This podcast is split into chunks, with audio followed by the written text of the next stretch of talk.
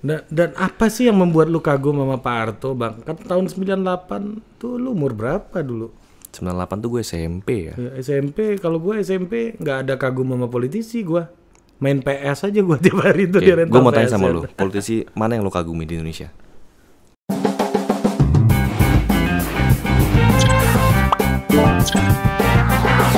Hari ini, Ya. Vasco Rusai. Ya. Macan idealis. Senior, senior. Ya. Maksudnya anggap yang atau yang udah nggak ada. Mungkin Gus Dur gue. Gus Dur. Hmm. Nah, Gus Dur udah nggak ada juga. bro. Kan kita bisa pelajari Pak Harto itu. Oke, apa yang lu pelajari deh pertanyaan gue? Pak Harto ya. Hmm. Jadi gini, bukan hanya mungkin kalau cuma sekedar dari apa yang gue lihat pada masa gue SMP belum tentu gue mengaguminya banget juga. Iya, Tapi karena pasti. Hmm. kita kan mempelajari tokoh-tokoh yang ada di Indonesia ini kan Ri ya. Termasuk Bung Karno gue mau tapi kekaguman gue terhadap Bung Karno nggak nggak melebihi kekaguman gue terhadap Pak Harto gitu. Ya kita uh, akui dua-duanya great leader lah. Great leader. Tapi, Iya. tapi gue lebih lebih suka sama Pak Harto. Iya. Menurut gue ya. Apa yang membuat lu Pak Harto. Pak Harto itu di luar dari eh, negatifnya seorang manusia ya. Semua manusia pasti punya sisi negatif pasti pasti ada. Tapi sisi positifnya itu jauh luar biasa pada saat gua gua lihat beliau itu memimpin negara ini Indonesia berhasil dinobatkan sebagai macan Asia. Macan Asia, Ri. macan Asia. ini dia oh ini Pak Harto nih Bohong. ini kali ini gue memang mengagumi macan. Gue suka macan gitu kan. Iya, iya. Karena Beli- orang Sumatera juga kan. Nah orang Sumatera juga dan Sio gue juga macan. Segala macam. nah jadi eh, beliau itu berhasil membawa Indonesia tuh dikagumi, bro. Pada masa pemerintahan beliau di awal-awal, Orde Lama itu bisa dibilang eh, inflasi kan kita tiga digit, bro. ya. Dan Pak Harto berhasil dalam waktu yang singkat memutarbalikkan menjadi hanya satu digit, single digit. Itu luar biasa, bro. Seorang tentara loh dia, dia bukan ahli ekonomi. Seorang tentara yang punya jiwa kepemimpinan yang luar biasa pada masa itu, dia berhasil menuangkan sebuah manifesto politiknya dia sampai Indonesia itu benar-benar dihargai di mata dunia. Kalau kita perhatikan loh, kepala negara mana yang fotonya misalnya di di samping negara-negara maju itu di samping presiden Amerika. Negara-negara yang lain tuh di belakang, Bro. Pak Harto di depan. Banyak gua banget banget gue lihat foto-foto Pak Harto tuh biasanya selalu di samping presiden Amerika dan yang lain. Kan Amerika kan top power di di dunia ya. Kalau dari presiden Amerika terus yang lain-lain. Terus Tapi kan ada foto Pak. Harto begini juga sama eh, Freeport. Untuk Ya kalau bicara foto kan lu tahu. foto kan bisa ter ya sama aja dong. Tadi Bukan. ter ka- kali aja Pak Harto lagi di depan gitu. Bukan, Itu foto foto diatur. resmi, foto Ya, resmi. diatur. Foto Madi kan tuh diatur, Bro. Iya. Posisi negara ini di mana, negara Iya, ini di iya. mana dan Pak Harto berhasil diposisikan Indonesia. Dia yang Hmm. membawa nama Indonesia itu berhasil diposisikan di samping negara superpower di dunia ini. Di di belakangnya itu kan negara-negara yang lain bahkan sampai sekarang ini Indonesia Ya pada masa Pak Harto kita dulu gini loh, Bro. nggak usah pada masa Pak Harto deh ya.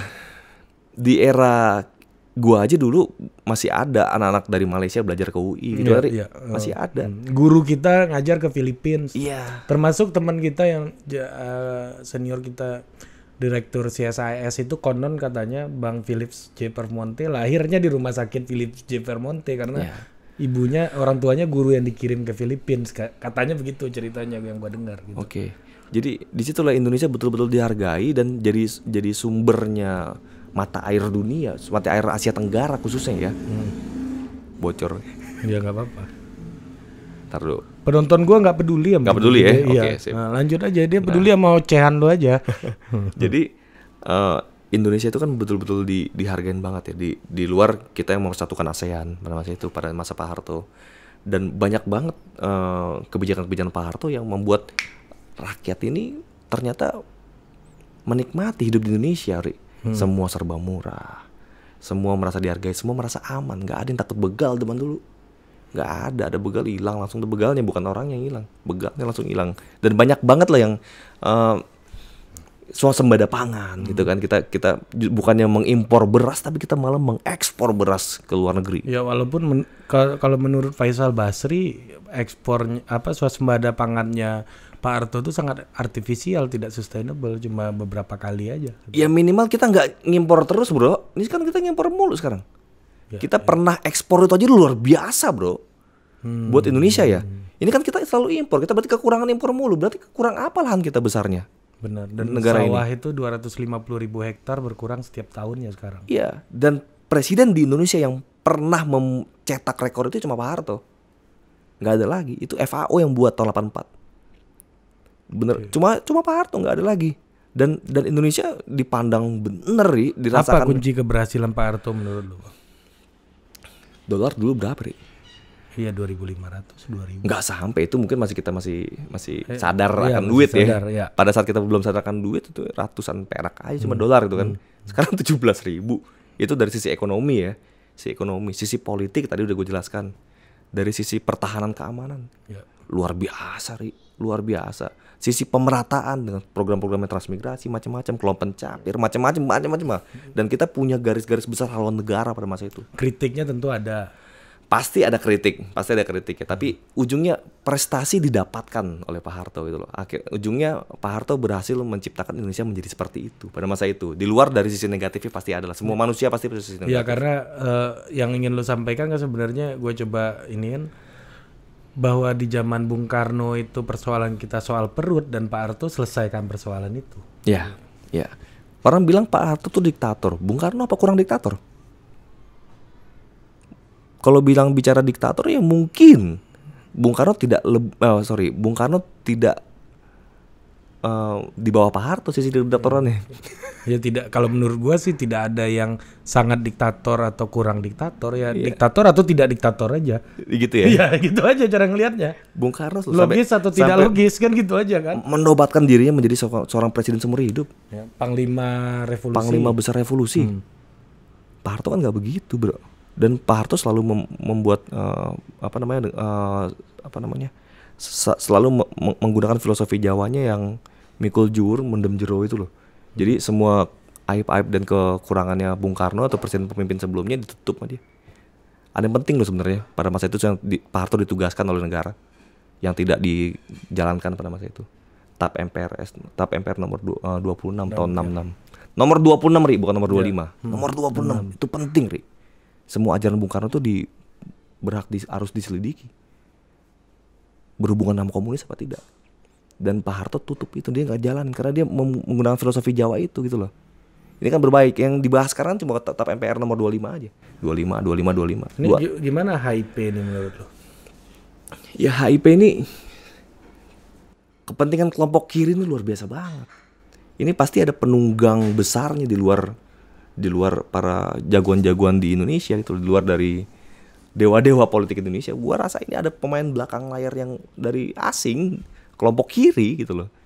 Menurut gue yang untuk memainkan ini apa ya? Sangat ya bisa dibilang sangat sangat mirip dengan aroma-aroma komunis apa yang ditawarkan oleh undang-undang hip hip ini. Gue bilangnya hip hip bukan HIP. hip hip.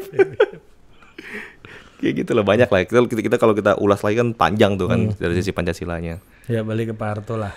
Ya, itu dia balik ke Pak Harto luar biasa dan dengan dengan sederhananya beliau Apa yang mem- membuat Pak Harto bisa mencapai prestasi itu menurut lu, Bang?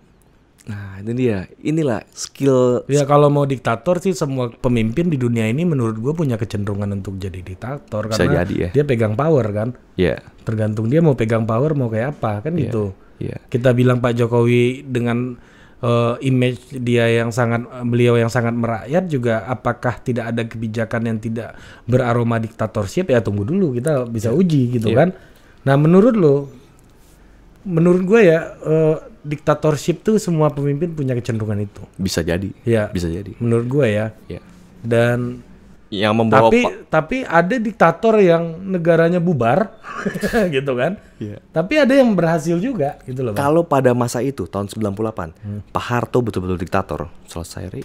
Tinggal dibantai aja dia punya kekuatan negara kok semuanya. Iya. Tapi Pak Harto dengan jiwa besarnya dia dia rela untuk mundurkan diri.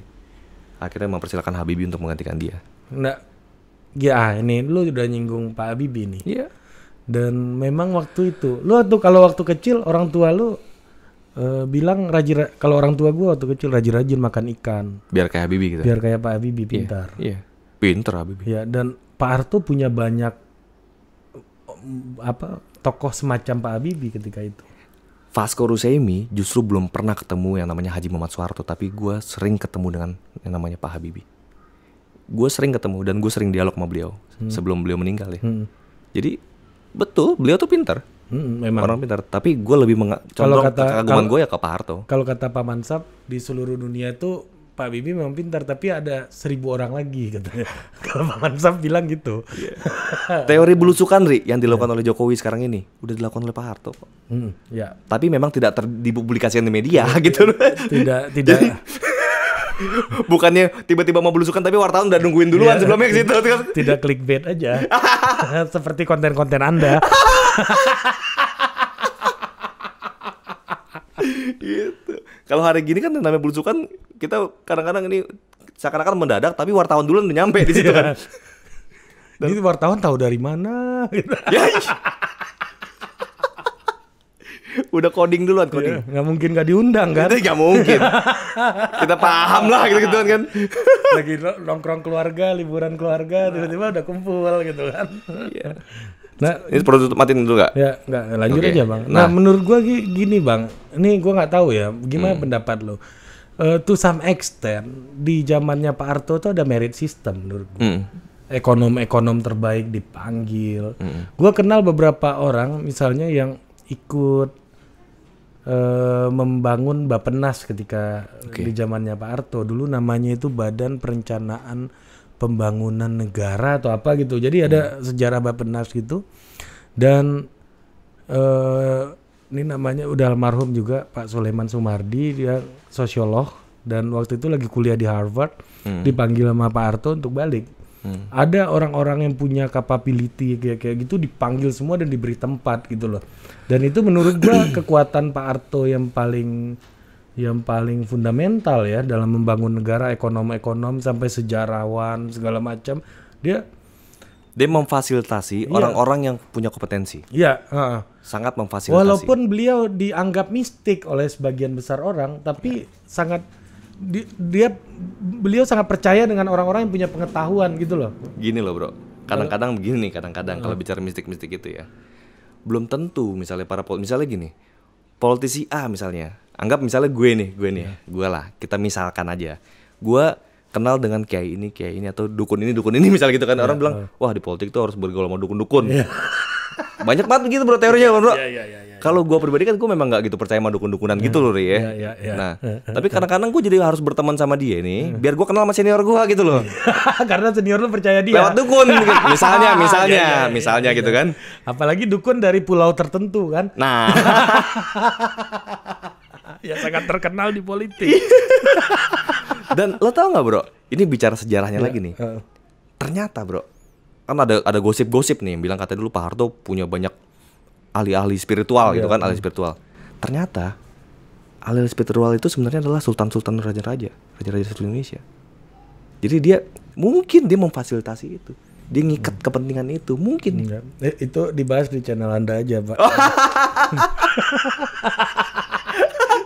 gua takut gua balas gituan di channel gua. Ntar diomelin sama penonton gua. Ta- tapi ngerti gak maksud gue Iya, iya, iya, bilang ngerti, aja ya? ngerti, ngerti, Jadi ngerti, ngerti, ngerti. kepentingan sisi politiknya Iya. bisa jadi seperti Iya, itu gitu loh. Karena mau melakukan konsolidasi sebenarnya. konsolidasi. Ya, hmm, secara politis. Gua nggak mau bahas mistiknya, Bang, tapi Kita jangan bahas mistis Iya. buat apa? Kita juga gue pun sangat tidak menikmati dunia mistis, Iya, Ri. Kali aja. Gue sangat nggak suka dunia mistis. Karena di dunia maya kan sangat clickbait. Enggak, kalau di Macan Didas nggak kena dunia mistik. kena ya, kena. kena, ya. Beda-beda clickbait Lu ya kan? nggak nggak pernah cek, cek ini apa jembatan Casablanca gitu. Nggak kena. Sama halnya kayak gue main main eh, apa namanya konten-konten kayak eh, para buat eh, gua collab sama youtuber-youtuber besar tapi segmen yang berbeda juga clickbaitnya nggak ngaruh gitu loh enggak jadi nggak kena clickbaitnya di dunia mistis Iya. dunia selebriti itu nggak nggak kena lah kita Iya. gue yakin di total politik juga nggak kena Nggak, loh, nggak, gitu. nggak. segmennya beda kan beda beda. Echo chambernya beda. Iya. Nah, nah balik lagi bang, ya itu untuk melakukan konsolidasi politik kan. Nah yang kedua soal ya orang-orang hebat tadi Mm. yang memang punya reputasi akademik, ekonom-ekonom hebat, sampai ada sebutan ma- mafia Barclay kan dulu kan. oke Dan itu Pak Harto berikan orang-orang itu tempat gitu Iya. ketika itu. ya Apakah itu bentuk ketidakberdayaan Pak Harto atau memang gimana sih lo lihatnya? itu yang pemimpin bor Dia bisa merangkul segala macam golongan, segala macam golongan dari sejadah sampai ramjada. Itu pemimpin bro. Bahkan mohon maaf, tikus got aja kalau perlu dirangkul. Suatu saat kita butuh juga tikus got. Dipegang. Kalau kita nggak pegang liar nih barang tikus got kan. Ke mana-mana nyemarin penyakit. Dengan kita pegang, kita kuasain mereka, kita bisa uh, buat sebuah manajemen negara. Pada masa itu Pak Harto berhasil banget bro. Indonesia bangkrut pada masa itu bro. Pada masa akhir pemerintahan Bung Karno, Indonesia bangkrut bangkrut sebangkrut bangkrutnya inflasi kan kita besar banget bro. Pak Harto berhasil membuat tem maka dia disebut sebagai bapak pembangunan di Indonesia ini kan.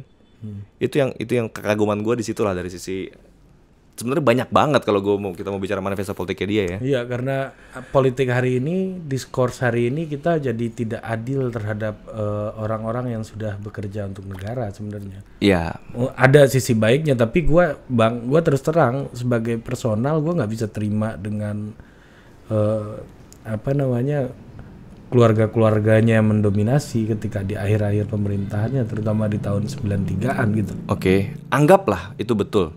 Anggaplah itu betul. Jauh lebih banyak pemimpin yang baru berkuasa 2 tahun ataupun tiga tahun ataupun cuma setahun tiba-tiba keluarganya pun udah masuk.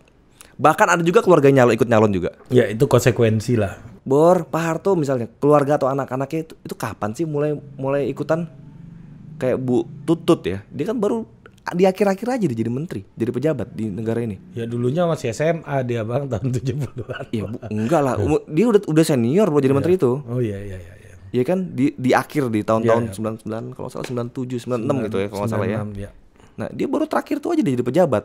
Nah, kalau sekarang kan beda. Baru sebentar jadi presiden, anaknya udah jadi mau jadi wali kota, mantunya udah mau jadi wali kota. Baru sebentar jadi presiden, baru dua periode misalnya gitu ya. Baru ada yang jadi presiden lagi, anaknya maju lagi jadi ketua umum partainya juga misalnya gitu loh. Atau baru jadi menteri, anaknya juga maju di sini. Kan politik dinasti jauh lebih kencang sekarang dibanding Pak Harto sebenarnya. Atau lu melihat itu, lu nggak merasa itu adalah bagian dari kultur politik kita yang mana orang itu lebih trust kepada eh, keturunan, blood gitu kan? Enggak juga, Ri. Kekerabatan Enggak. dibandingkan dengan kompetensi. Pak Harto nggak begitu, bro. Pak Harto nggak begitu. Beliau tidak memberikan fasilitas-fasilitas ke anak-anaknya sebenarnya. Pak, dia 32 tahun merintah negara ini, bro ya. 32 tahun. Kalau toh memang benar, kalau toh memang benar dia memberikan fasilitas itu dan menjadikan anaknya seorang pejabat, itu cuma di akhir-akhir periodenya doang kok. Setelah berapa tahun berkuasa. Tapi yang lain, yang lain, yang baru-baru aja udah langsung dikasih fasilitas. Bahkan bisnisnya konon katanya pemimpin negara kita bisnisnya pun anak atau ininya juga ada ada yang berbisnis juga di Iya benar. ya jadi Ya. apa apa Di- kita adil adil kalau kita menjudge menjudge Harto seperti itu Lu lanjutin di itu gue jadi saksi langsung besok di Polda Metro Jaya. ya kita kan nggak menyebut merek bro Iya, iya, jadi iya, biarkan teman-teman berdiskusi di kolom komentar kan Google- siapa dia Googling gitu. aja. googling aja Udah ada di Google. nah itu yang menurut gua kita nggak adil lah kalau kita Iya. menjudge Pak Harto itu men- menjalankan sebuah politik dinasti kita menjudge Pak Harto itu eh, memberikan fasilitas yang luar biasa kepada dan tidak mungkin orang bisa berkuasa selama itu tanpa eh, fondasi yang kuat. Iya, fondasi yang kuat. Menurut lu apa fondasi Pak Harto, Bos? Fondasi Pak Harto dicintai rakyatnya. Anda Dicintai jangan rakyatnya. kampanye juga di sini. Itu output dicintai rakyat. Itu fondasi, Bro. Iya, itu outputnya setelah Outputnya. dia melakukan sesuatu baru rakyat cinta sama dia. Kalau menurut lo itu output, menurut gue itu fondasi dan outputnya adalah makmurnya negara Indonesia menjadi macan Asia. Outputnya di situ kita dicintai rakyat, jadi rakyat ikhlas bekerja untuk negara, rakyat ikhlas bekerja untuk pemerintahnya. Ya, masa ikhlas, Bos? Ikhlas bro. Pakai tentara dulu. Kata siapa? Kata buku-buku sejarah lah. Bukunya siapa ya? Bukunya siapa? Macam-macam. Gua baca lah. Bang. Lu banyakan baca buku Karasi ini sih masalahnya. Oke, Bang. Coba lu baca buku yang sebelah sini Iya. gitu kan. Jangan yang sini mulu lu baca bukunya. Oke, Bang. Eh. Ini satu lagi. Lu pindah ke berkarya setelah itu. Iya. Memang lu ngefans sama Pak Harto jadi relevan nih. Gue ingat betul, lu di Depok tuh di sebuah acara, lu kita kembalikan Orba. Ah, lu udah orasi-orasi kayak begitu tuh. Lu percaya betul dengan itu. Iya. Ini bentuk kepercayaan lu atau masalah Mas Prio aja sebenarnya? Enggak lah, enggak lah, bukan. Pak Priyo Budi Santoso itu mentor politik gua. Ya. Tapi bukan berarti gue ngikutin dia. Tapi memang gue mengagumi Pak Harto sebelum gue kenal Pak Priyo. Iya, iya. Gitu loh, Bro. Ya itu gue setuju tuh. Nah kebetulan kita punya kecocokan nih bro Di situ kan Kita punya kecocokan nih memang Dan ternyata Partai Berkarya pada masa itu kan dipimpin langsung oleh terahnya Cendana Idola lu ini ya. Pak Tommy Soeharto Iya. Yang yang secara fisiknya juga sangat mirip banget gitu kan bro Bilang, uh ini Tapi lu yakin pemikirannya juga sama? Ya gini Ri. Minimal beliau sering berdiskusi dengan bapaknya. Minimal. Ya, bapaknya didik dia lah. minimal beliau banyak diskusi dengan bapaknya minimal beliau tahu gaya hidup bapaknya tahu cara bagaimana mem- mem- memperlakukan pemimpin apa melakukan anak buah mem- membuat sebuah manajemen. Minimal itu dulu deh minimal. Dan gue gue di situ ngeliatnya wah ini terahnya Pak Harto di sini. Ini langsung langsung Pak Tommy yang pimpin. Ya mau nggak mau ya gue gua gue ikut nih gue ikut di sini Lu merasa Pak Tommy mampu untuk menghidupkan kembali dalam artian gini, menghidupkan Soeharto spirit lah gitu. ini bukan bicara Pak Tommy mampu atau tidak mampu, tapi ini bicara partai ini kan bicara kerja bareng-bareng, kerja bersama-sama. Minimal gue punya pemikiran yang sejalan. Jadi gue masuk ke dalam satu eh, wadah yang memang gue tahu manifesto politiknya ke sana gitu loh. Lu nggak harus melawan arus lah di situ. Nggak harus melawan arus karena gue tahu arah politiknya partai berkarya yang dipimpin oleh Pak Tommy ya ke sana. Sesuai pasti dengan ideologinya Pak Harto dengan Lu manifesto politiknya Pak ya, Harto. gitu? mungkin dia lawan-lawan bapaknya kan istilahnya gitu. Karena dia udah di charge langsung oleh bapaknya langsung. Iya, kayak Bu Mega sama Bung Karno lah, nggak mungkin Bu Nah. Mega bertentangan ajarannya sama Bung Karno menu- Enggak minimal menurut interpretasi beliau gitu ya. Iya, itu ada arah-arah yang mirip di situ kan dengan dengan ininya. Ya siapa pun anaknya mau Pak Tommy Soeharto, Bu Tutut, Bu Titi, semua kan masuk dalam partai berkarya. Pak Sigit langsung. Pak Lu nggak takut dianggap milenial terutama lu pro orba gitu, Bang? Ya, kenapa gue takut? Bahkan survei ter survei terakhir seluruh survei yang ada di Indonesia mau survei yang pro dan kontra terhadap Pak Harto, Pak Harto presiden terbaik di Indonesia kok. Semua survei, lu bisa cari browsing di Google. Presiden terbaik di Indonesia adalah Soeharto.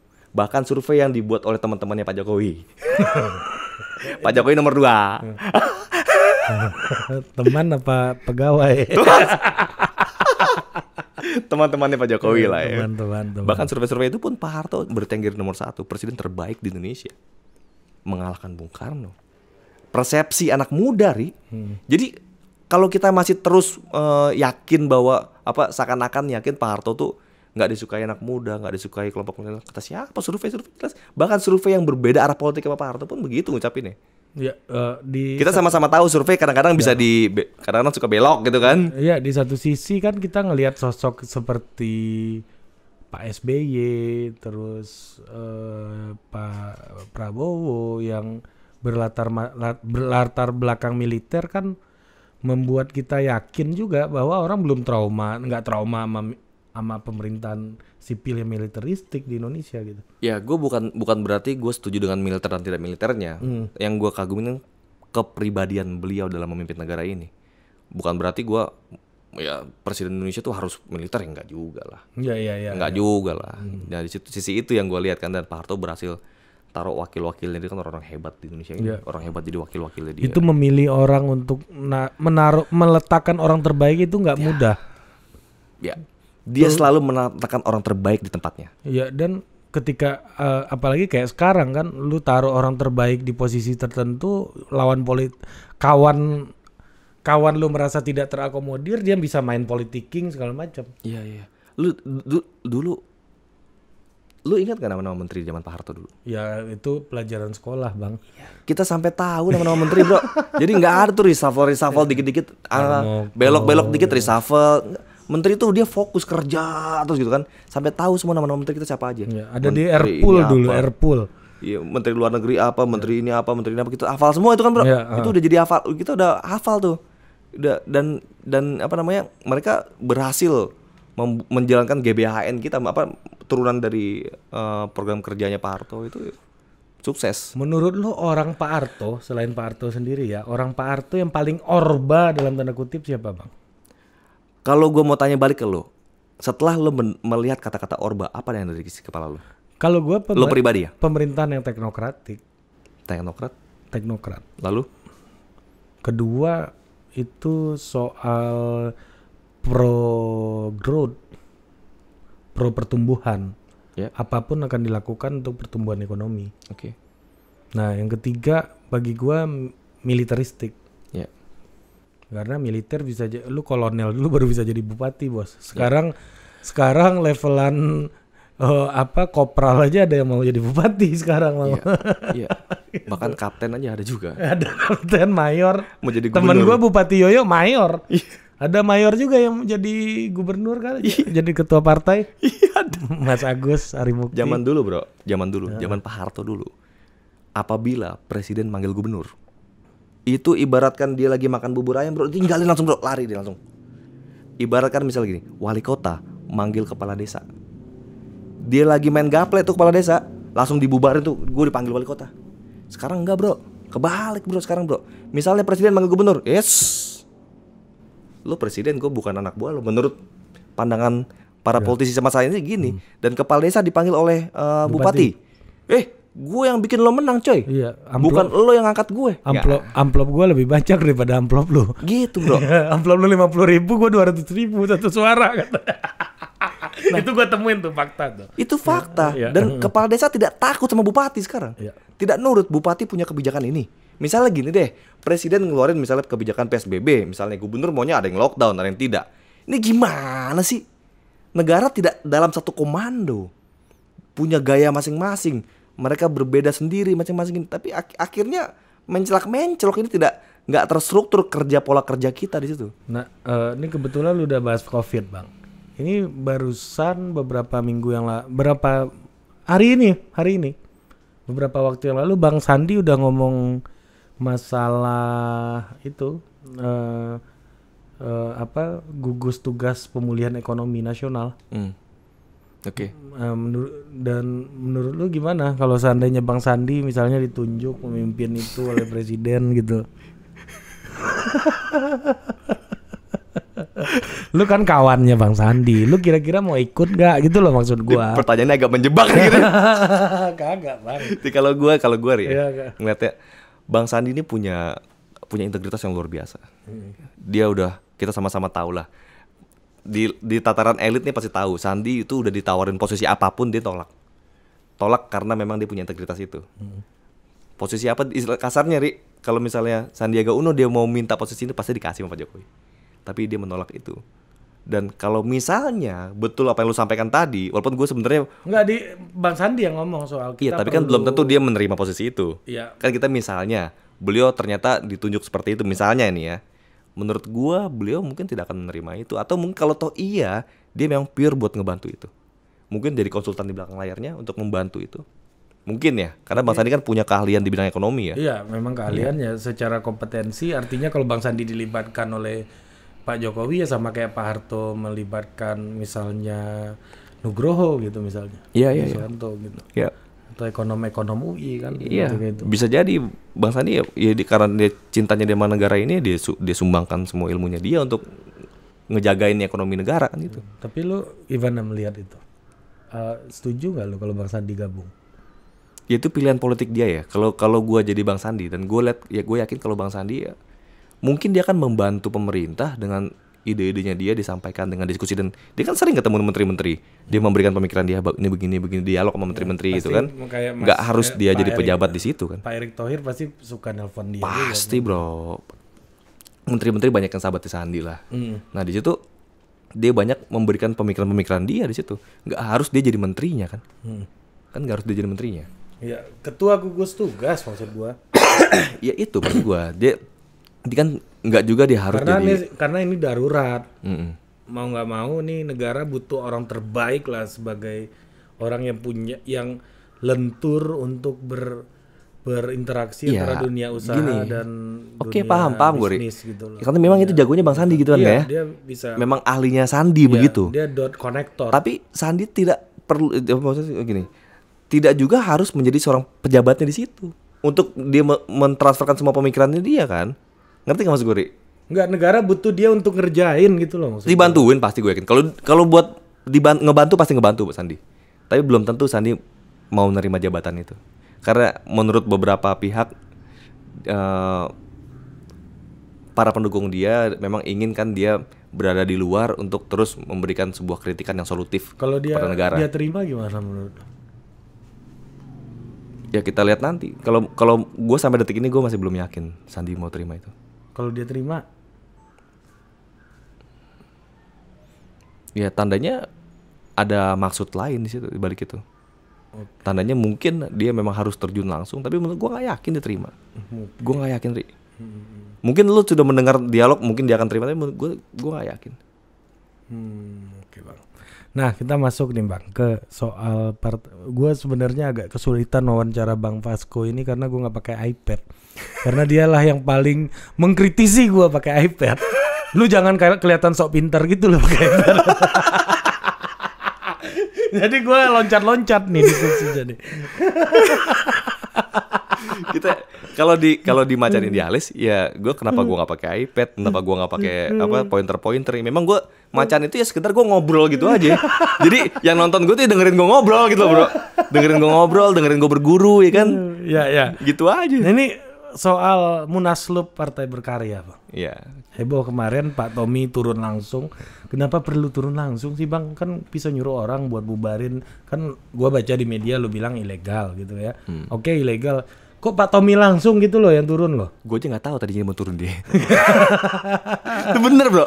Pagi itu jam 5 pagi pun pada saat pada hari itu gue nggak tahu Pak Tommy mau datang mau bubarin acara itu. Gitu loh. Tadi gue pikir ya hanya dari angkatan muda partai berkarya Iya. dari laskar laskar partai berkarya yang datang ke sana yang untuk menertibkan acara itu. Karena memang eh, acara itu kan dianggap tidak mewakili partai berkarya. Jadi dibubarkan sebelum acara itu mulai gitu kan. Tapi ternyata tiba-tiba Pak Tommy mau datang langsung untuk untuk membubarkan acara itu menurut gue itu jiwa pemimpin yang luar biasa jadi dia dia pemimpin yang pada saat ada su- sebuah kejadian yang krusial dia langsung di depan Dia bukan takut dikudeta gitu. enggak lah enggak lah Itu kenapa sih bisa ada munaslup tuh apa sih yang membuat orang tidak puas bang? Tentunya ada kan. Ya pasti ada lah. Kalau bicara ketidakpuasan ya tanyanya ke pihak mereka ya. Bukan ke gua. Kalau kalau gua sih ya sampai detik ini ya hmm, partai berkarya masih tetap harus dipimpin oleh Terah Cendana. Sampai detik ini. Iya iya iya. partai berkarya sampai detik ini Paling masih harus dipimpin oleh anaknya Pak Harto. Paling enggak sampai masuk DPR. Habis itu pas kurus ini. enggak bukan. Gitu. Tapi bukan.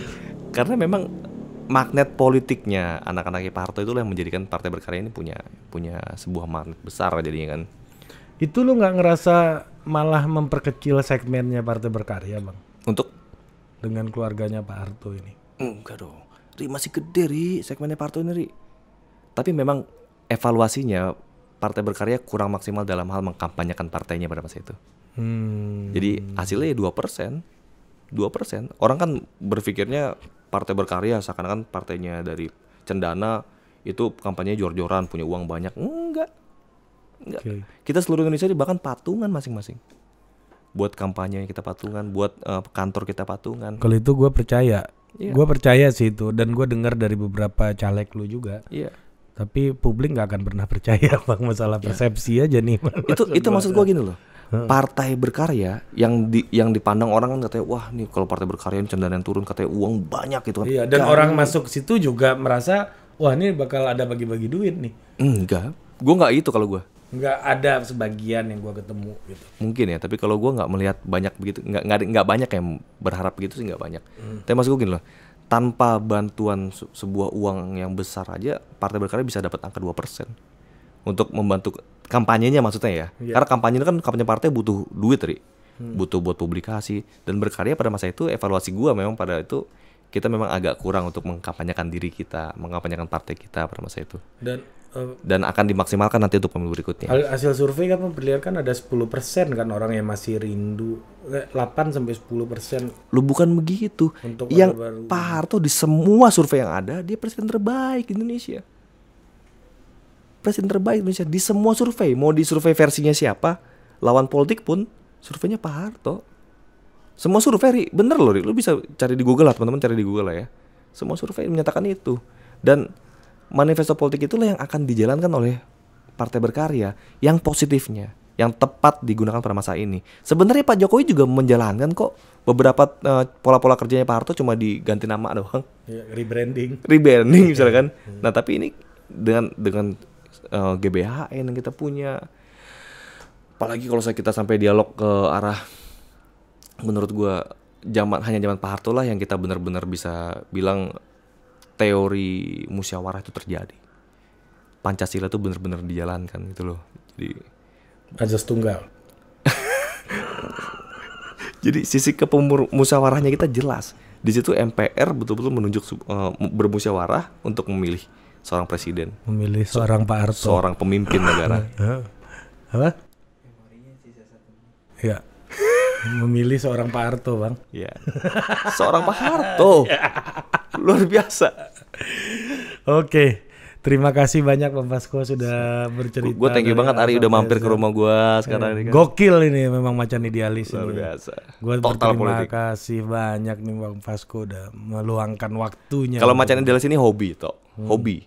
Kenapa namanya macan Bang? Coba lu. Karena gue suka macan dan gue mau mencoba mentransferkan ke idealisan gue, versi gue. iya, iya, Idealisme kan punya masing-masing. Walaupun- Ari punya idealisme masing-masing, gue punya idealisme masing-masing. Walaupun lu, di, lu dituding macan AdSense, macan kapitalis. kata. AdSense berapa sih? Ri? iya ya. Kayaknya kayaknya orang berpikir youtuber tuh hidupnya dari AdSense. gitu. Enggak, enggak lah. Gue buat beli kopi gue aja nggak cukup, bos. Ya kalau kita nggak ada bisnis yang lain gimana kita mau jalanin ini kan? Iya, karena lu me- melakukan ini dengan happy aja. Happy, gue seneng banget kok. Gue bisa ngobrol sama banyak orang, sama senior-senior, gue bisa mempublikasikan semua itu. Seneng banget gue. Oke, sampai jumpa di Total Politik berikutnya. The one and only. Vasco Ari. Putra. Assalamualaikum. Produced by Total Politik and powered by haluan.co.